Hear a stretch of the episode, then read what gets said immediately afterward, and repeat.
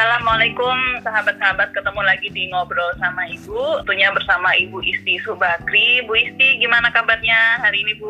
Alhamdulillah sehat Mbak Vita Nah, berbicara tadi mengenai kesehatan dok ini, kita masuki namanya era new normal, Bu. Mana perkantoran nanti sudah mulai dibuka, hanya orang tua juga tidak bisa melakukan monitoring full. Nah, kira-kira apa saja Bu yang kita harus persiapan uh, menjelang masa new normal ini? Baik Mbak Vita. Memang kondisi new normal ini adalah situasi yang sebenarnya meneruskan semua kebiasaan kita di masa pandemi menjadi kebiasaan kita sehari-hari. Yang pertama adalah buat standar baru yang kemarin kita pakai saat pandemi ini kita teruskan seperti cuci tangan, hand sanitizer, masker, tidak menyentuh wajah, jaga jarak, tidak di dalam kerumunan, jaga imunitas tubuh. Kebiasaan ini harus kita teruskan dan ini bagi orang tua itu harus mencontohkan kan anak-anak tidak hanya cuma sekedar diingatkan, tetapi harus dicontohkan. Kenapa? Karena lebih mudah untuk dipahami dan ditiru dengan memberi contoh. Saya kita pulang dari kantor kita bilang, ah ibu cuci tangan dulu ya. Terus kita pergi ke kamar mandi kita cuci tangan, mandi, keramas,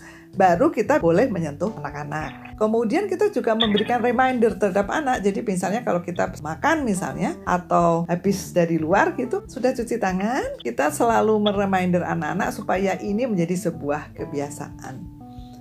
Kemudian belajar mandiri. Kita harus memberikan penjelasan pada anak-anak bahwa anak-anak masih tetap sekolah di rumah, sedangkan orang tua sudah kembali pada aktivitas semula bekerja ke kantor kita akan memberikan kepercayaan kepada mereka kalau mereka ini nanti akan belajar sendiri. Adik dan kakak akan belajar dari jam berapa? Misalnya jam 7 sampai jam 12 sesuai dengan jadwal di sekolah.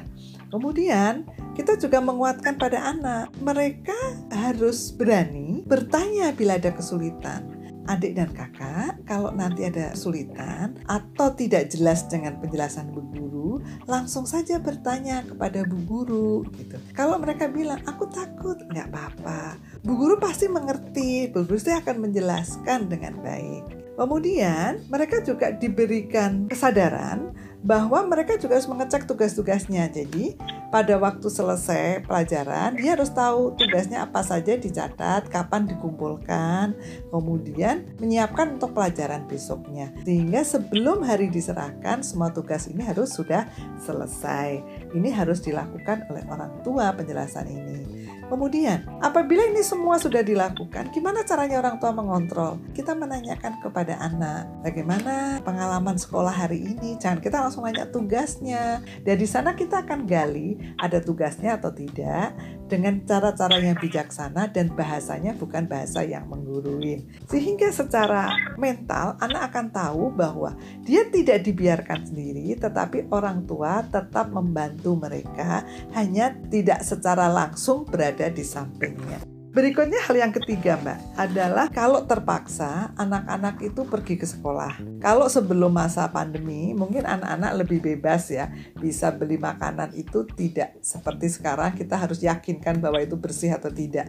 Untuk itu sebenarnya lebih baik anak-anak itu membawa bekal makanan dari rumah atau kita memastikan kalau di sekolah itu ada kantin kita memastikan kantin itu karenanya bersih atau tidak. Ini kita harus memberikan pengertian pada anak. Adik kakak kita kan nggak tahu penjual makanan itu sehat atau sakit, sudah cuci tangan atau belum. Jadi mulai besok ibu akan bawain bekal ya buat adik dan kakak ke sekolah. Mau makan apa? Kalimat terakhir ini akan membuat anak exciting dan tidak kecewa karena keinginan mereka ditanyakan oleh orang tua dan akan disiapkan untuk makanan besok ke sekolah. Dengan demikian Mbak Vita ada tiga hal. Pertama adalah standar baru untuk perilaku hidup bersih dan sehat. Yang kedua adalah kesiapan belajar mandiri dan yang ketiga adalah makanan yang sehat. Baik, terima kasih uh, banyak serinya Ibu Isti. Baiklah, sahabat-sahabat, terima kasih telah mendengarkan ngobrol sama Ibu di episode kali ini. Stay safe dan stay healthy untuk semua sahabat dan jangan khawatir jika ada pertanyaan putar topik kita kali ini atau hal lain pendidikan, perkembangan anak, uh, hubungan antar anggota keluarga. Sahabat-sahabat tuliskan di kolom komen dan juga dikirimkan ke email kita di ngobrol sama ibu at gmail.com.